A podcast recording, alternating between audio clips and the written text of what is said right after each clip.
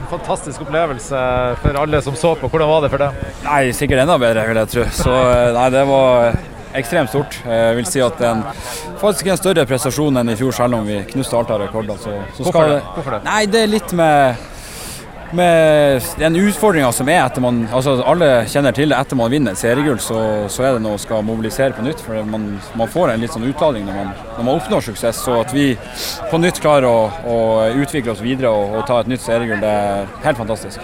For Det skurra litt i starten av sesongen. Hva var breaking pointen der? Altså, dere greide å snu det på et tidspunkt? Ja, nei, Jeg tror nok det handler litt om at man må få tid til å sette et lag. Eh, spille inn et lag. og så er det ikke til å stikke under stol at vi var uheldige med skader på, på nøkkelspillere underveis i sesongen, som gjør at man alltid får litt sånn nye konstellasjoner som trenger tid på å komme seg inn i det. og så syns jeg at uh, alle har jobba seg veldig fint inn i det, og samtlige som, som har spilt for Glimt i år, har, har bidratt og prestert bra.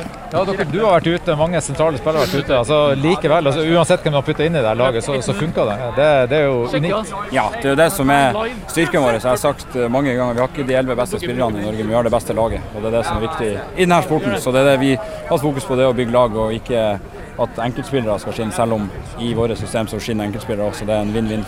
Selv om dere hadde god kontroll for start, trengte bare øvert, og så får du de to så tidlig. Hvordan er det å spille resten av kampen med omgivelsene og alt da?